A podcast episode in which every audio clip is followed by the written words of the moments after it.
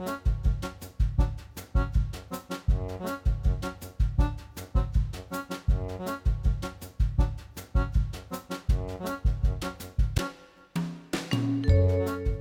sæl og velkomin í mannlega þáttinn. Í dag er miðvíkudagur, 18. oktober.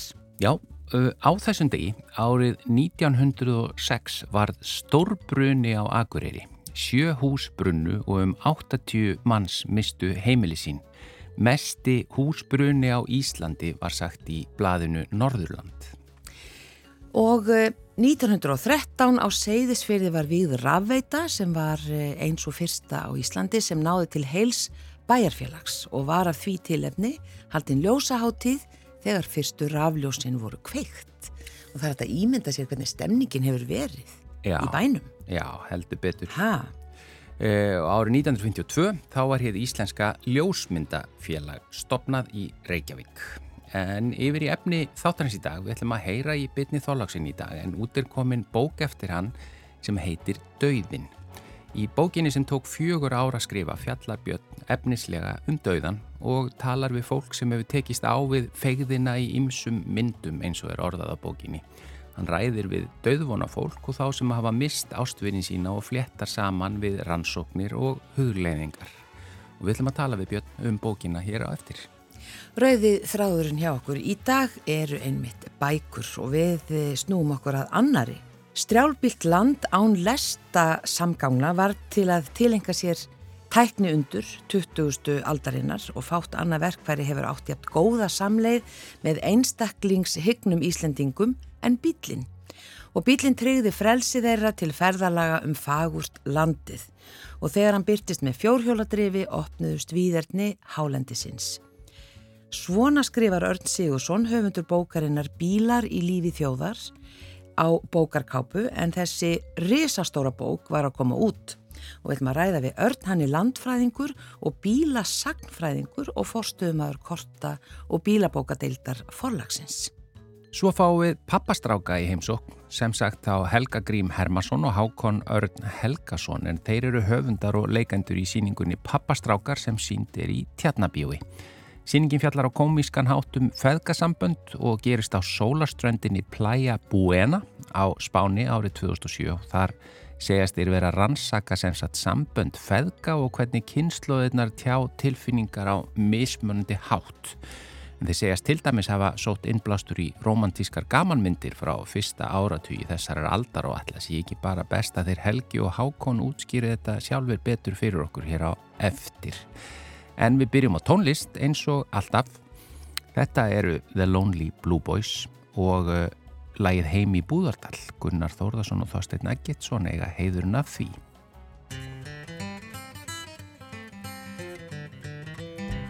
Er ég kem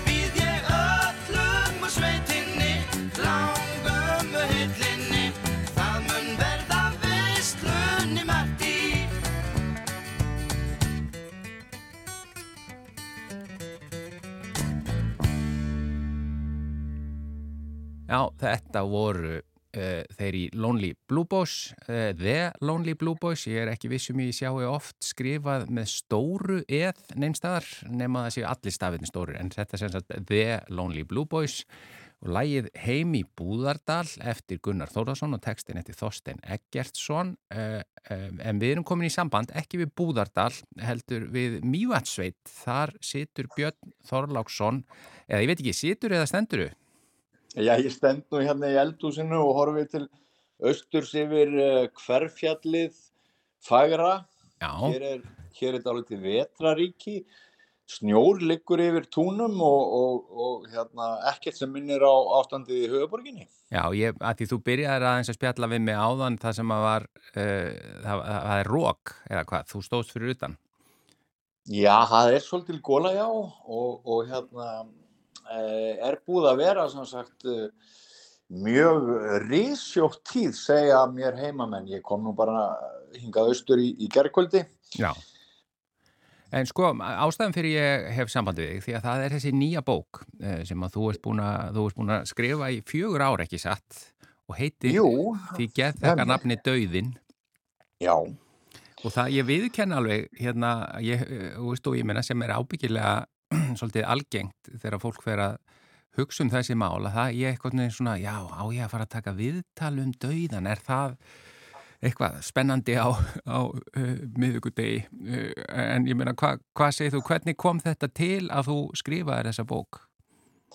ég skil einmitt rosa vel Já. að þú standir frammi fyrir þessari spurningu ámaður að ræða við mann sem er búin að skrifa bók um dauðan. Hlýtur það ekki að vera drep leiðinlegt? Er hann ekki þunglindur þegar hann skrifar þetta og eigum við ekki bara hérna, að vera svona svolítið prívat með dauðan?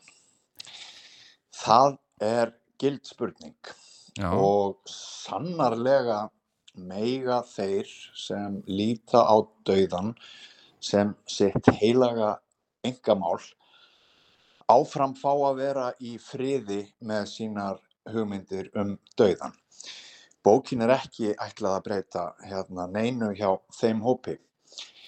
En þú spyrð mm, hvað leiðir til þess að, að ég sem sagt lagðist í það mikla verk að skrifa þessa bók því, því hún er langt tímafrekasta bók sem ég hef unnið að.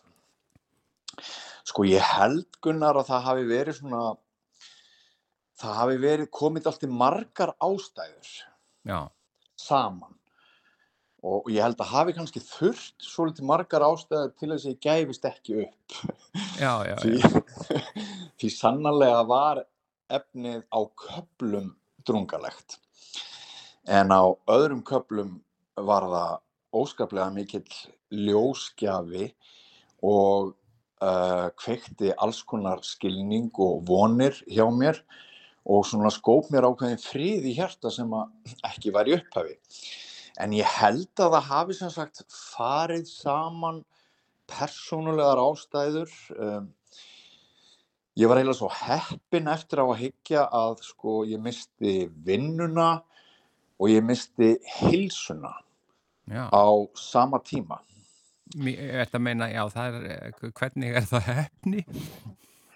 Eh, heppni vegna þess að, að þá gafst mér tón til að hugsa. Já, já, já, og, og þá gafst mér tóm til að kannski e, vera ekki jafn eigingjarn í hugsun eins og, eins og okkur ennú tamt sko.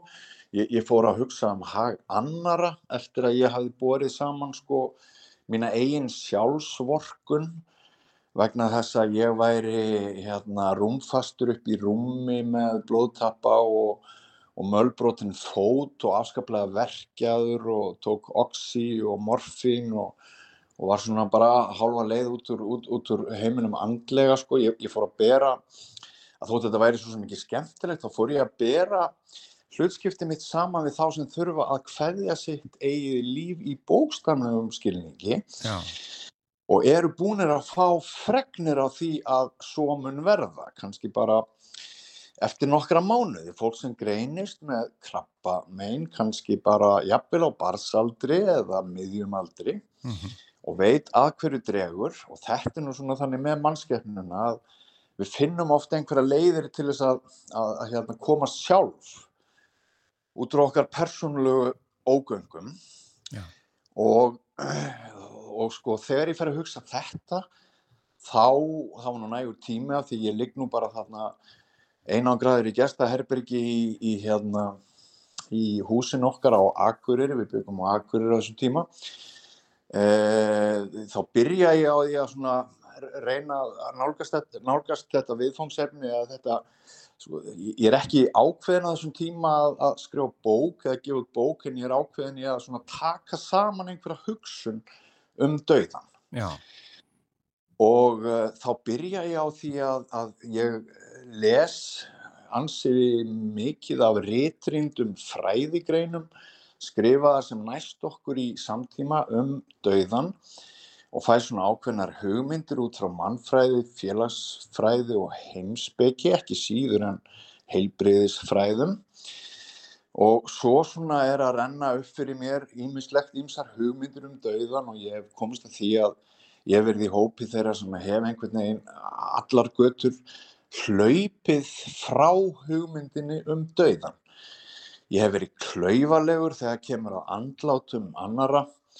Ég hef aldrei vitað hvenar ég á að segja ég samhryggist hver lengi, uh, hvernig maður á að segja það, á maður að hafa samband við aðstandendur hins látna, hvenar, hvenar getur maður búið inn í partí mm. og hérna, Já, vissum Og- að margir upplifi þetta svona, sko. Þetta er einhvers konar eh, feimnismál Já. eða, eða, og maður veit ekki alveg hvernig maður á að höndla þó að auðvitað óhjákvæmilega sé þetta poppi þessi blessaði dauði upp í kringum hann á einhvern hátt. Já, er það ekki ein, ein, einmitt málið eins og nefnir sko, er ekki svona mikil feimni og þöggun í kringum þetta allt saman. Já, Og hérna, og, uh, og engar leiðbynningar til. einmitt. Ne, nema það að, að mér fannst svo bara svolítið ódýrt hjá mér að ætla bara að nálgast þetta einhvern veginn úr fjarlægð því að ég áttaði mig á því að dauðin er þess eðlis hann er svo blóðhrár, hann er svo viðkvæmur, titrandi og tínandi og, og hann breytir öllu, hann er, hann er slík umskiftið að bara tilhugsunin um dauðan, hún getur sett sko hjartsláttin okkar úr 80 í 140 og, og, hérna, og það, þetta eru svo rosalega miklar tilfinningar sem að, sem að fylgja vissunni að við munum öll fara fyrir það síðar að það sko leiðir til þess að maðurinn sem að hefur alla tíð hlaupið í burtu ef berst fregna af aðvífandi dauða einhvers Mm hann umturnast sennilega út frá þessum félagslegu aðstæðum sem ég glými þarna við bara mínum eigin vanmætti og erfileikum í mínu eigin lífi. Ég umturnast hannig að ég fæ þá hugmynd að láta mér ekki bara duga að lesa um þetta allt saman heldur fara bara og hitta fólk sem annarkort er sjálft að deyja um aldur fram eða fara og hitta fólk og spyrja hérna það út í þá reynslu til dæmis þegar það misti barn, jafnvel fólk sem að horfi á sitt eigið barn deyja Já, og uh, maka og, og ástvinni og allt þetta. Og það er rosalega erfitt fyrir mig að útskýra sko hvað skóp þetta hugur ekki að stíga þetta skref en það sem að kemur mér alveg ótrúlega óvart er það að ég þurfti náttúrulega að hafa óbúslega mörg ar- aðfarar orð og var mjög afsakandi þegar ég hafði samband við fólk og bar upp þetta erindi. Ég hef aldrei getað það ef ég væri ekki búin að vera bladamæður í næstu fjóra áratugi. Ég hef þó svona ákveðið umbóðsvald sem bladamaður, fólk veit hver ég er og, og, og það veit að, að það er kannski hægt að treysta mér fyrir því að, að ég taki við fólk uh, viðtal. En samt var þetta náttúrulega alveg óbúslega erfitt og langsótt en það sem kom mér mest á óvart það var það að hver einasta manneskja sem ég hafði samband við hún var ekki bara til í að tala við mig hún, hún vildi tala við mig Já.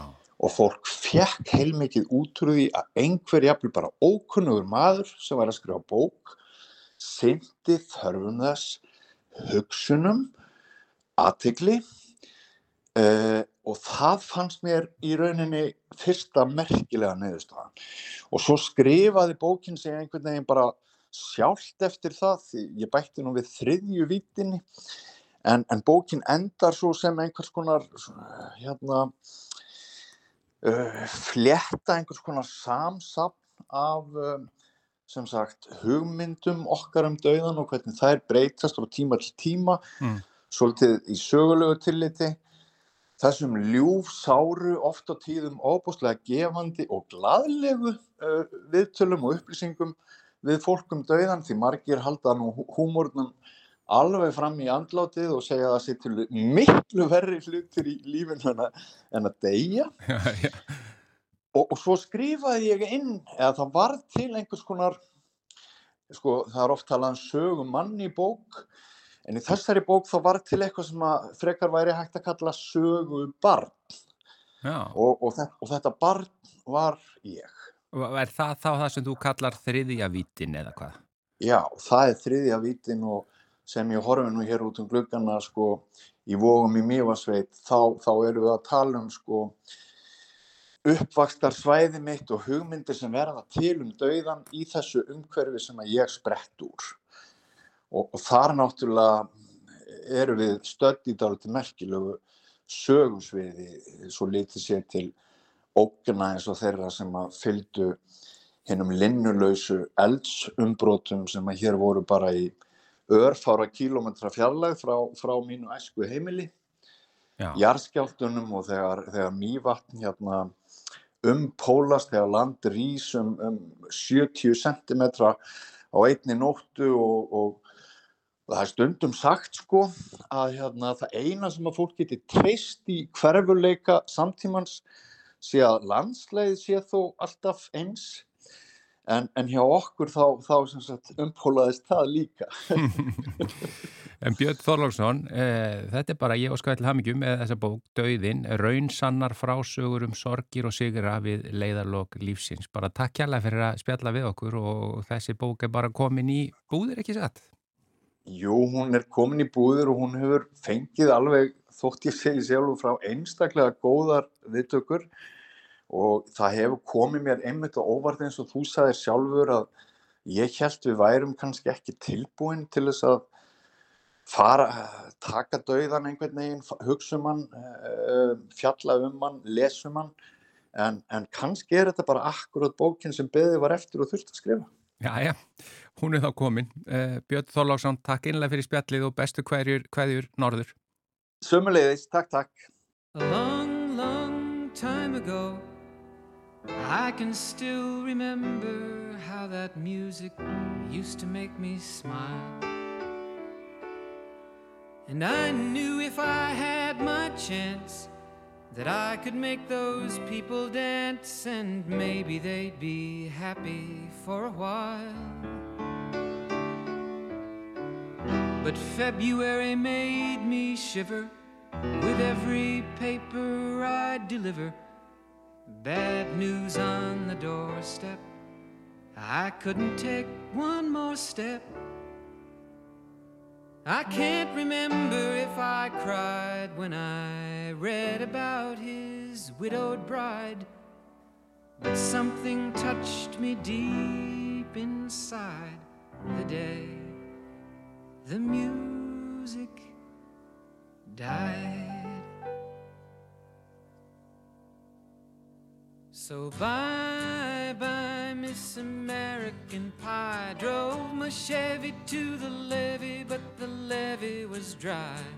And them good old boys were drinking whiskey and rye, singing, This'll be the day that I die. This'll be the day that I die. Did you write the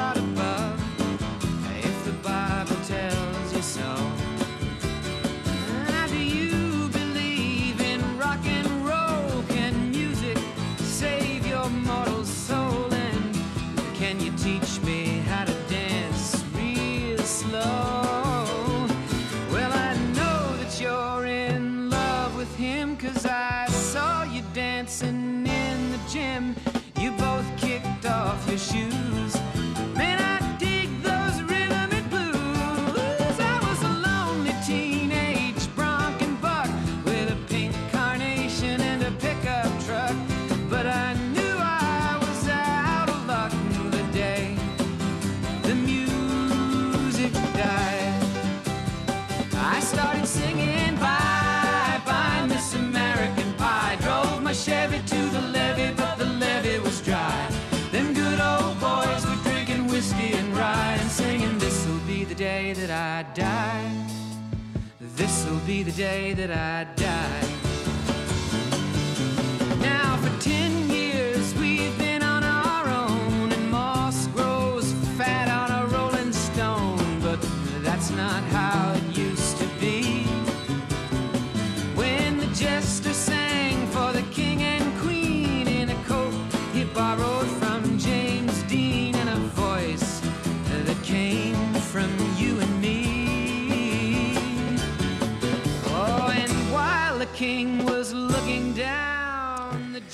Já, þetta er lagið American Pie með Don McLean. Eh, Þetta er meiri sér stittri útgáfan af þessu lagi. Hún er rúmar fjóra mínútur en lengri útgáfan er sko átta mínútna löng, rúmlega. Þannig að ég hérna, og allir sem þekki þetta lag, vita að það er talsveit langt en frábært en, en kannski svolítið langt fyrir útvarp því að við verðum að koma einhverju talefni að.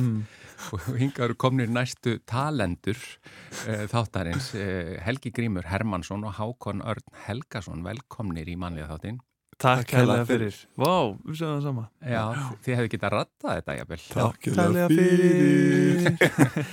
Við erum svo samstiltir sko Ég kynnti ykkur, ég sagði við myndum fá pappastráka í heimsók Mhm. já. uh, leikritið sem að þið skrifuð og leikið það ekki, eru þið ekki það er, þið eru tveir leikararnir Jú, við ráðum, ráðumst ekki á gardinn þar sem hann er legstur sko Við, ætlum, við erum að taka á, á stóru verkefnunum saman sko Já. Mhm. Við erum uh, þrýr á sviðinu. Já, þið Ég eru og- þrýr, já Já, ég og Helgi og svo en Andris Þór Þorvarðarsson sér um tónlist og leikur öll aukalhutverk. Já, Þannig að hann er að breyða sér í, í líki alls konar karaktera Og þannig á, kvikinda á Playa Buena sem að er, uh, hvað var að segja, sviðsmynd, leik, leik, leiksvið hérna síningarinnar. sko, sýningin heitir pappastrákar Mhm. Playa Buena er strönd sem að er bara til í þessu leikritið eða ekki eða Eh, hvaða? Sko, við vorum að reyna að þegar við vildum að þetta gerðist á svona spænskir sólaströnd og vorum að leita og leita af nöfnum bara e, í huga okkar sko yfir strönd sem er ekki til en Já. það er ekki til strönd sem er ekki til eða fattar við, plæbúina er til Já, það er ekki til, til strönd sem er ekki til Þetta er náttúrulega setning sem við margóft sagt líka í gegnum ferlið sko En, Já, við bara, við, okkur datt þetta í hug plæbúina Já. og svo googlum við það, þá er það auðvitað til Já, Nó, en, já, en það gerist ekki á þeirri plæbúina þetta er okkar eigins Já, já. plæbúina en svona almennt nafn yfir strönd skilur við en þið eru ekki bara góð strönd Jú. Já. En hvað því Costa Brava líka? Þýr þetta ekki allt bara eitthvað svona Sko. Já, já, það, þyrfti kannski að gera einhverju svona úttækt á nöfnum á ströndum, sko. Costa del Sol, það það er engin mellrakka slétta annars spónið sko. Nei, Þetta er mjög en, einfalt. En hérna, af hverju, sko, að því þið, þið segið þessi síning og það sem vakti áhuga minn var þetta þessi svona, það er að segja, þið eru með kallmenn á heilanum. þið, þið, þið gerðuð aðra síningu uh, í tjarnabíói á samt fleirum, eða ekki, sem að hétt How to make love to a... Já, þess að ég gerði síningu hérna uh, í, hvað fyrir tveim árum í Borgarleikusi Já, ég var í hérna- Borgarleikhúsinu, Já, já. á tölunarsveðinu umbúðlegt sem hétt Hátum með glöðtömmen þar sem að við fórum Hvernig á líka að, pæla að í- elskast með kallmanni, Já, en Já. verkið fjallaði það ekki um það heldur bara svona, já, bara svona tilfinningar kallmanna. tilfinningar og, og Mhm. tengsl og sambönd kallmanna og já, og svo er það viðfangsefnið okkar hákonar aftur, já, hann að við tveir erum líklegast með kallmenn á heilinum, já. Ég held að við náttúrulega bara karlmennska er í mikill endur skoðun akkurat núna og bara feðraveldið og áhrif þess og við ákvaðum bara að fara inn í það með að fjalla um feður og, og kynnslóða mun á kallmennsku sem við erum að sjá og bara svona erum aðeins að velta því fyrir okkur hvað hefur breyst, hvaða tól hafa ólíkar kynnslóðir fengið af karlmennum til þess að tjá sig Já, það, það var nú bara gamla mítan er að kallmenn tali ekki um tilfinningar svo leis Mhm. en, en þeir einhver, á einhvern hátt tjá þær sko. Já, nei, 100% og maður, það, það er bara einhvers konar það er alltaf einhver farfur, það er alltaf eitthvað tungumál sem maður notar, en spurningin er hvort að sko, allir skilji tungumálið sem maður nota sjálfur. Já, já, Akkurat, já, það er nú kannski það erfiða í þessu og ég menna það, það er bara þetta er um, um feðgasambönd er þá ekki þá frekar fe, feðgaveldið en feðraveldið? Feðgaveldið, jú, jú. Mögulega. En, en hérna, og, og mismunandi kynsluðir einmitt, það getur verið svona árekstur í, í hérna, tjáningu? Já, 100% Mhm. og líka bara skilja uh, og þetta tekist ekkit endilega kynnslum heldur bara almennt að skilja fólk er bara gett flókið sko í Já, já. að- samskipti fólks Já, ég tala nú ekki já, um, já, ég tala ekki um bara þeimun uh, nánari sem þau eru, það er að segja ástarsamband eða fjölskyldusamband Já. og annað já Mhm. þau eru ansi flókin En þau eru líka svona sín einn alheimur með alls konar lögmálum út af fyrir sig sko. Í raun og veru er hvert samband sín einn sko alheimur og Já, já. með sínum svona reglum og lögmálum innan, innan þess heims sko. Og Já, það er í raun og það sem leikhús er fjallar alltaf um. Þetta er alltaf um samböndum milli fólks og hérna og tengsl og, og dín, hana, valdájabæi eða einhverja dýnamík eða svona einhvers konar, þú veist. Mhm. Já, áreikstur eða, eða svona samleið sko. hvað er sagt og hvað er ekki sagt Já, En hérna af hverju ákveði semst að, að þessi síning sem að er um feðgasambönd Mhm. og svona eh, tilfinningar uh, feðga eða kallmanna eða hvernig sem það er hverju ákveði að láta gerast á sóluströnd? Hva, hvað er, hverju er það? Það er mjög góð spurning. Sko, í leikúsinu og í, í hérna, bara fiksjón yfir höfuð, þá er, gerast einhverju töfrar þegar það er farið úr hinnum, hvað ég að segja, eðlilega hverstaslega heimi og einhvert annað. inn í æfintir skóin Inn í ævintýraskóin. Og, og plæjabúin er svolítið okkar ævintýraskóur, þar sem allt getur gerst og maður kemur í rauninni heim breyttur maður, sko. Já. Uh, breytt manneskja og hérna, já stíg út fyrir þægindaramann sko. Já. Og svo er þetta líka svona Og ákveðin... kannski vera fastur á einhverjum stað í einhver tiltekinn tíma. Já, já, já, þú kemst ekkert út, sko. já, já. Eh, Þannig að þetta er líka svona ákveðin óður til sko tíman sem að leikandi gerist á sem að er árið 2007 þetta er svona rétt fyrir hrun. Þetta er þegar ég og Helgi vorum úlingar Já, 12 ára. 12 ára, já, að, 12 að, að verða, verða úlingar Mhm. já. uh, og, og þetta er svona nostalgíða sem að við höfum ekki séð mikið af á sviði áður Mhm. og hvað sem ég áhört að fara inn í það veist, við erum með alls konar, alls konar referensa í uh, til dæmis bara að það sé yfirvofandi hrun. Við erum með glitnishanglæði á sviðinu Já, og hérna og Einhver stað fundum við það einhverstað myndið að Ah. MP3 spilari sem að týnist sem að spila leikil hlutverk í síningunni sko. Þeir eru svo ungir sko, að hlustendur okkar og bara ég og eh, okkur Mhm. þegar við hugsaum að hugsa aftur og í með nostalgíu þá hugsaum við talsett lengra Já, en Já, 2007 við, við vorum að hækka nostalgíu ranna Já. sko, Við Já. vorum að, hérna, við Við vorum að að færa hana. yfir á, Við vorum að færa línuna sko. Já, já, já en, en, en sko, hérna, líka á sama tíma þá erum við það ungir að við áttum okkur endilega ekkert á þetta er kannski efni í leikir náttúrulega en við erum, við erum báðir úr útkvörfum þannig að við erum ekkert endilega nýri bæ þegar sko, búsaldabilding á þessi stað við vorum að tala um þessum um daginn. Við, við, við skiljum ekki al- alveg hrunið svona, þú veist, jújú, jú, við vitum alveg að bankandi voru hausin alltaf en svona við, við, við erum ekki fullfærir um að segja nákvæmlega hvað gerist Hvað, og, ég veit ekkert hvað gerist í hruninu. Æ, ég menna, það, greinilega þeir ekki skrifa heldur leikrit um það. Nei, nei, nei, nei, nei, En er, byggir þetta á ykkar eigin samböndum við ykkar feður eða eitthvað slíkt að því að svo sé ég líka í kynningarteksta að þið hafi leitað í romantískar gamanmyndir Mhm. frá þessum árum, frá svona einhverstaður í kringum aldamót 2000. Já, þegar maður er að byrja svona skáld, skáldaferli, bara að byrja að búa til leikrit, þá er maður ofta að byrja á nærumkörinu sinni þá pæla maður ofta í fólkinu í kringum mann og, og sjálfum sér. Og svo í raun og verið tekur skaldskapurinn við. Þannig að auðvitað pældu við okkar eigin feðrum okkur sjálfum og öfum okkur alls konar og, en svo bara byrjar boltin að rúla eftir það og, Mhm. og þá verður annað spunnið sko. Þetta er rauninni enda meira á því að vera byggt bara okkur sjálfum sko, frekar en eitthvað annað Já. sem að er frekar leðilegt af því að ég leik mjög kassalega karakter í leikritinu og svo áttaði ég mig á því þegar við vorum alveg frá frumsuna bara já, þetta er bara ég Þetta eru bara mínar verstu hliðar. Að þú ert kassalaga Já, ég þurfti að horfast í það og svo ég að sjá allt ferlið með þeim ljósum bara já, ég vildi gera svona skífuritt, svona plan nákvæmlega hvað við ætlum að gera hvern einasta dag alltaf fyrir hádegi svo leiki ég pappan sem kemur til spánar og er búin að gera plan fyrir hvern einasta dag í ferðinni líka og er alveg búin að eyðilega fríð Tilviljun tilviljun eða En Hákon, þú ert líka rosalega, þetta er rosalega gaglegt, gaglur eiginleiki líka, sko. Það má ekki glema því, sko. Eins og við sjáum í leikritinu pappastrákar. Eins og við sjáum í leikum. ah, sem að er í, í og við erum reynlega að tala um það núna. Ó, Ó, en, en eh, er það rétt að því sko ég sem foreldri eh, eigandi börn meiri sér á ykkar aldri hérna, ég hugsa oft um það já, byrju, yngri kynsluðarnar þær eiga auðveldara með að tjá sig til dæmis um tilfinningar en bara mín kynslu, ég tala ekki um mm kynsluðan og undan er, er, er, lesið þið að þannig líka?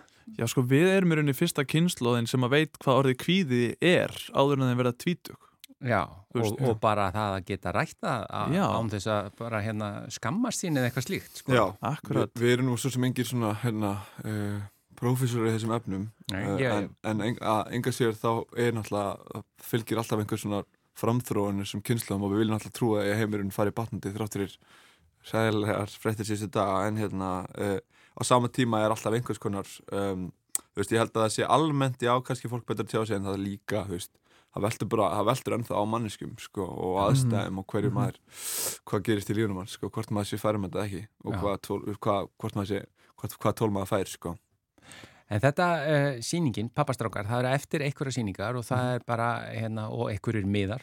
Þannig að ef að fólk vil sjá eitthvað, eh, ég menna þetta er gaman sýning. Já, Þetta er bara gaman alveg í gegn sko. Já, eins og þú ert Þetta að tala um aðangunni þá erum við, uh, að, við erum að styðjast rosalega sko kristilega við hérna struktúrin á romantískum gammyndum frá árinu 2000 til 2010 sko og hérna við Já. erum það er líka ákveðin óður til þeirra sko Algjörlega Já. He- Helgi Grímur Hermansson og Hákon Örn Helgason, eh, takk fyrir komin í mannlega þáttin, eða eða að segja pappa þáttin í þetta sinn. Pappa þáttinn, takk fyrir Líst að fá okkur Takk hérlega fyrir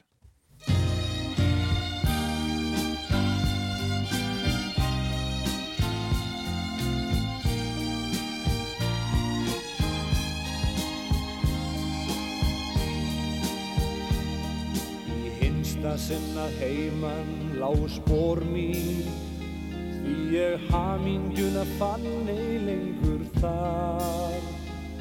Og hratt ég gekk í fyrstu uns ég herði fótatak. Og háum rómi kallað til mín var Kallað býttu pappi, býttu mín. Býttu því ég kem til þín. Æ, ég hljóð svo hratt að og datt Býttu pappi, býttu mín.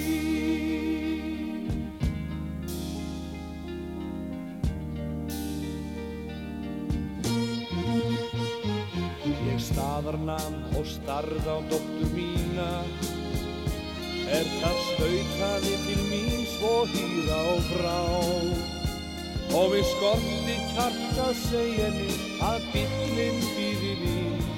Að bera mig langveg henni frá. Hún sagði bíllu pappi, bíllu mín.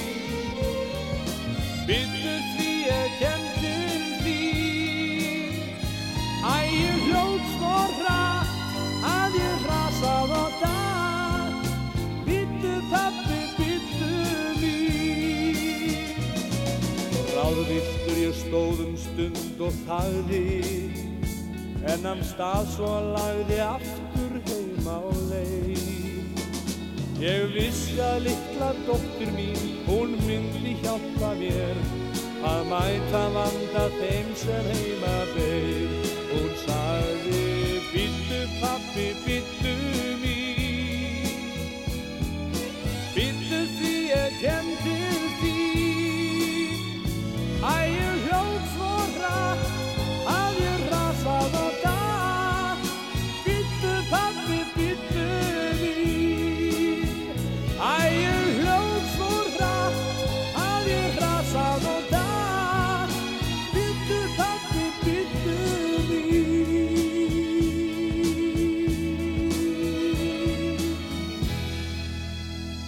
Lagið Býtu pappi.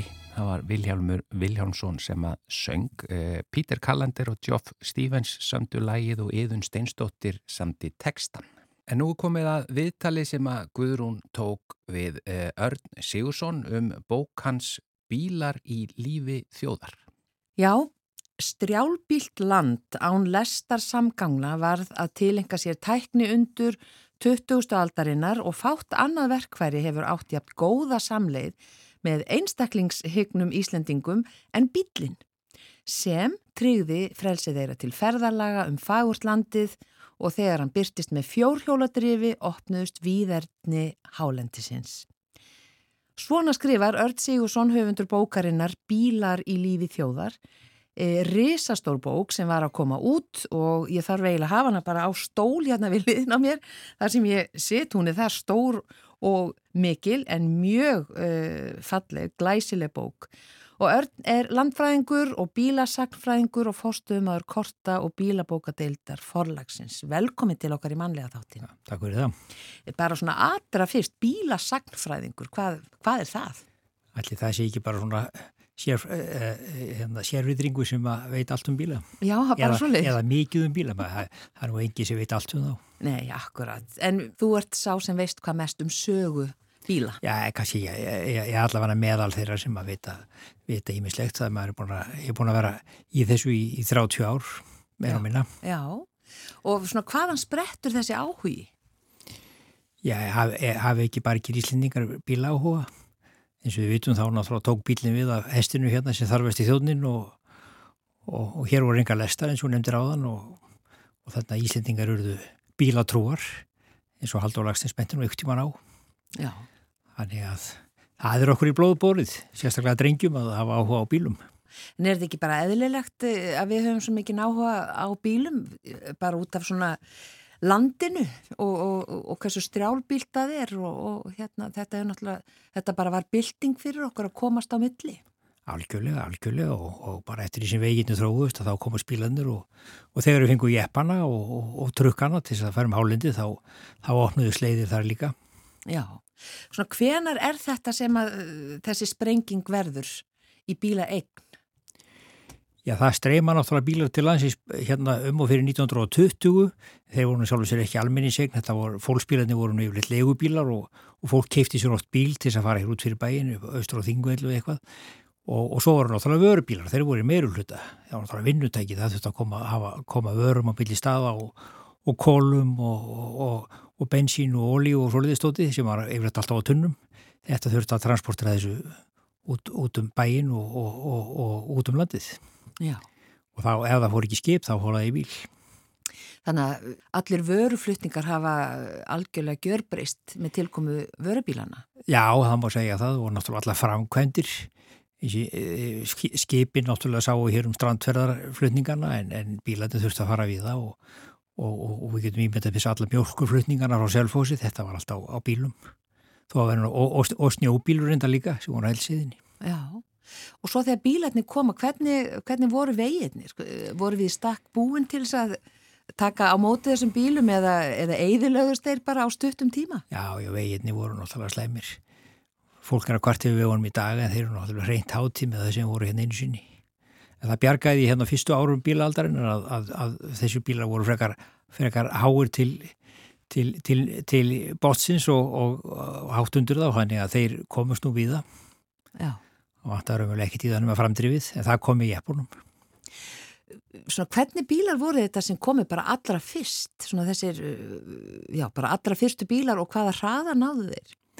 Já, fyrsti bíl sem kom til landsins var, var, var nú hálfgjörðu skrjóður, það var kútil, kútilbíl sem að Thomsen Kaupmaður kifti 1904, hann var nú, nú lélugur og, og, og reyndi stíla og fór hljóðli úr landi Magnús Sigursson á bónda á grund hann og köpmaður, hann, hann fluttinn mjög verklega vörulutningabíl til þess að nota í ekstra melli grundar og, og agurir en hann var alltaf þungur fyrir, fyrir þá vegi sem þá voru og, og hann reyndist uh, þar að leiða dýla en það er ekki fyrir en T-fortin kemur hérna 1913 sem að, sem að fer að rætast úr. Og svo komu overlandbílar og þetta voru frekar léttir bílar með blæjum þannig að þeir áttu nú léttar með að fara um.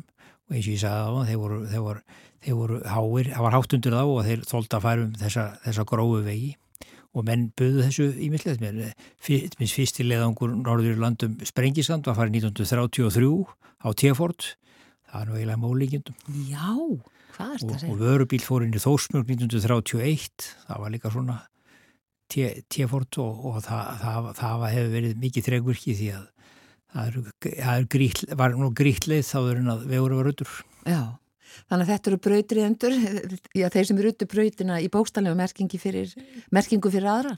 Já, já, og svo náttúrulega í síðar heimsturluninu þá komu hingað alveg og komu ógrin af tækjum og tólum með, með breska og bandariska hernum og, og þar á meðal þessir fjórsvöldrimnu trukkar, bæði vörubílar og, og, og svo svona minni, minni hertrökkar. Já, Og þegar að, þegar að kannin fór, 45, að þá, þá voru allir þessi bílar seldir hér og uppóði og, og þá komu, urðu til þessir fjallabílstjórar okkar, Guðmundur Jónásson og Páll Arason og fleiri sem að fóru á stað, kifti sér svona bíla og, og þeir, þeir fóru á hálendið og þá, þá opnuðust við þess Akkúrat. fyrir alvöru. Já, fyrir alveg, bara Já. fyrir almenning. Já, vera almenning að vísu höfðmenn og faraðum hendum og hestum náttúrulega áður en, en þarna, þarna byrjuðu trukkaferðinar.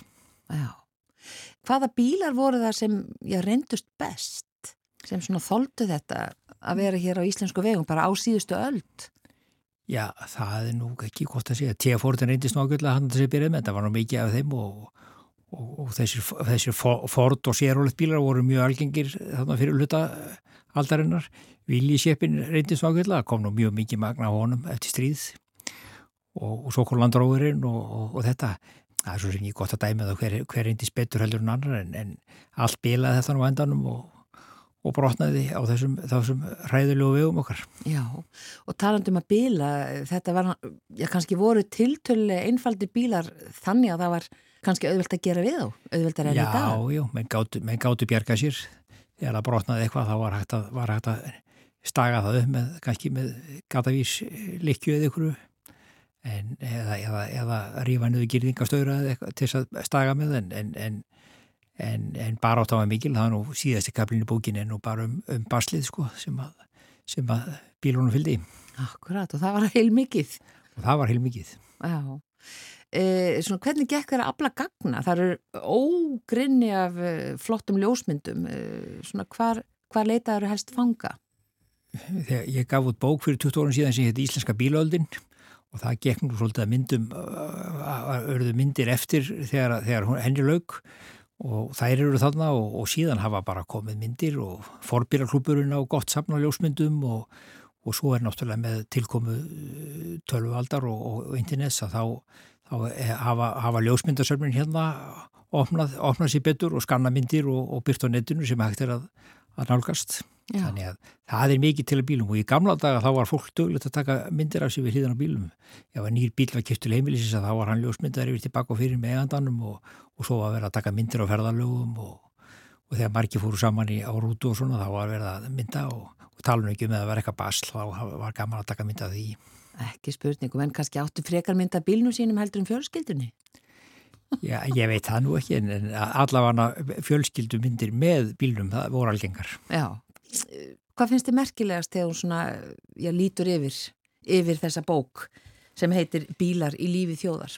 Já, það er nú til dæmis að sjá alla þessa, þessar íslensku yfirbyggingar sem voru smíðar yfir bíla á, á, á, á kreppaárunum.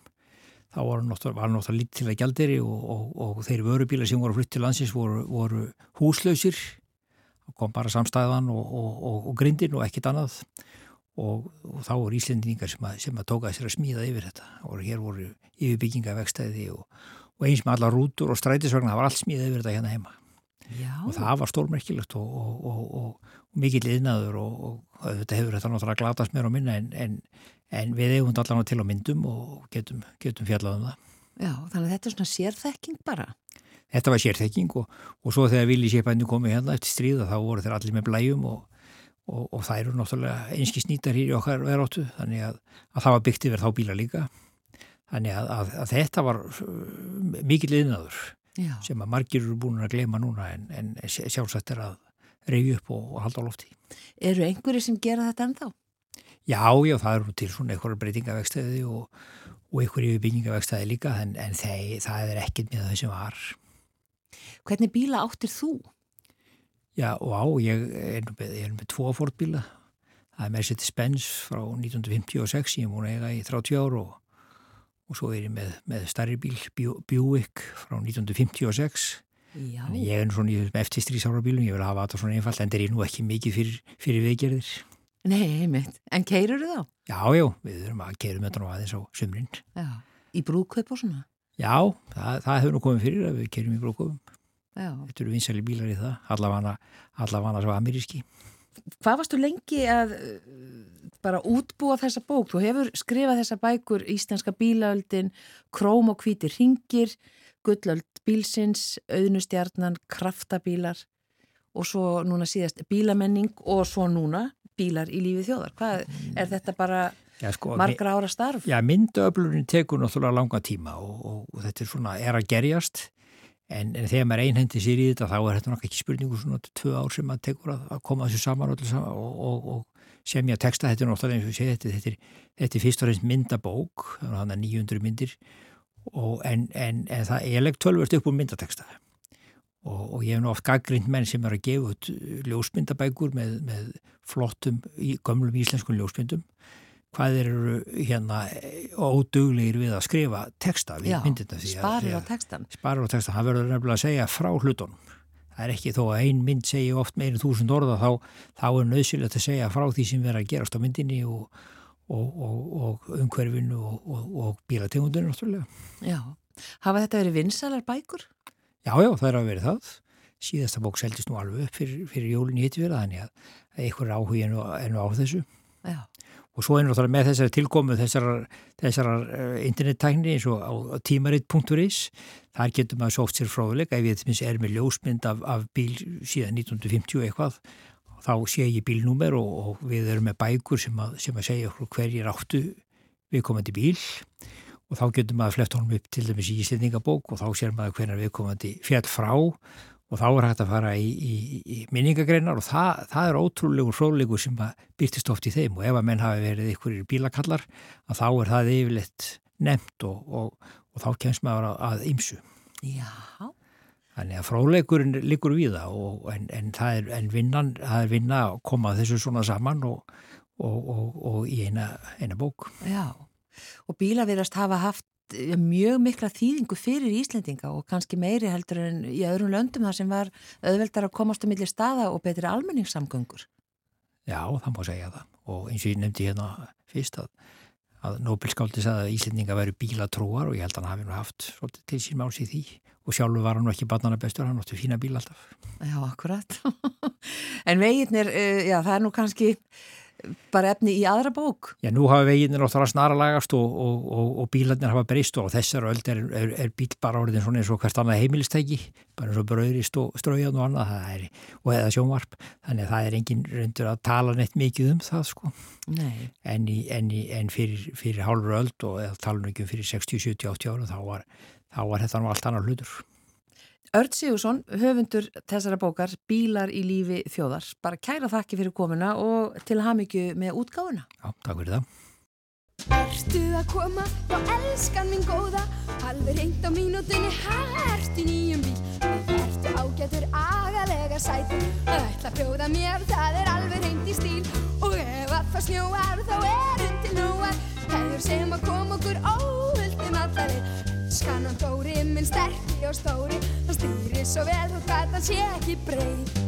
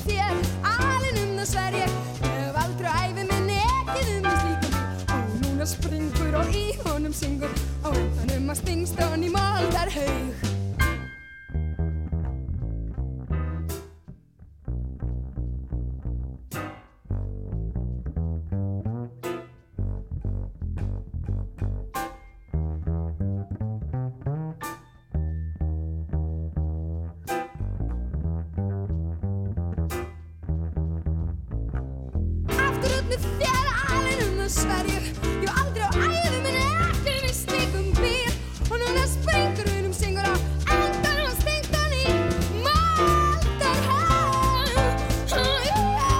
Já, bá, bá, bá Þetta er stórkostlegur flutningur á þessu lagi, Bílavísur, þetta er auðvitað Björk Guðmundsdóttir og Tríó Guðmundar Ingólfssonar af blötunni Glingló, eh, lagið er Erlend og textin eftir Jón Sigursson. Þetta var eh, lokalagið í mannlega þættinum í dag, við verum hér auðvitað aftur á sama tíma á morgun, þökkum innilega fyrir samfélgina, verið sæl.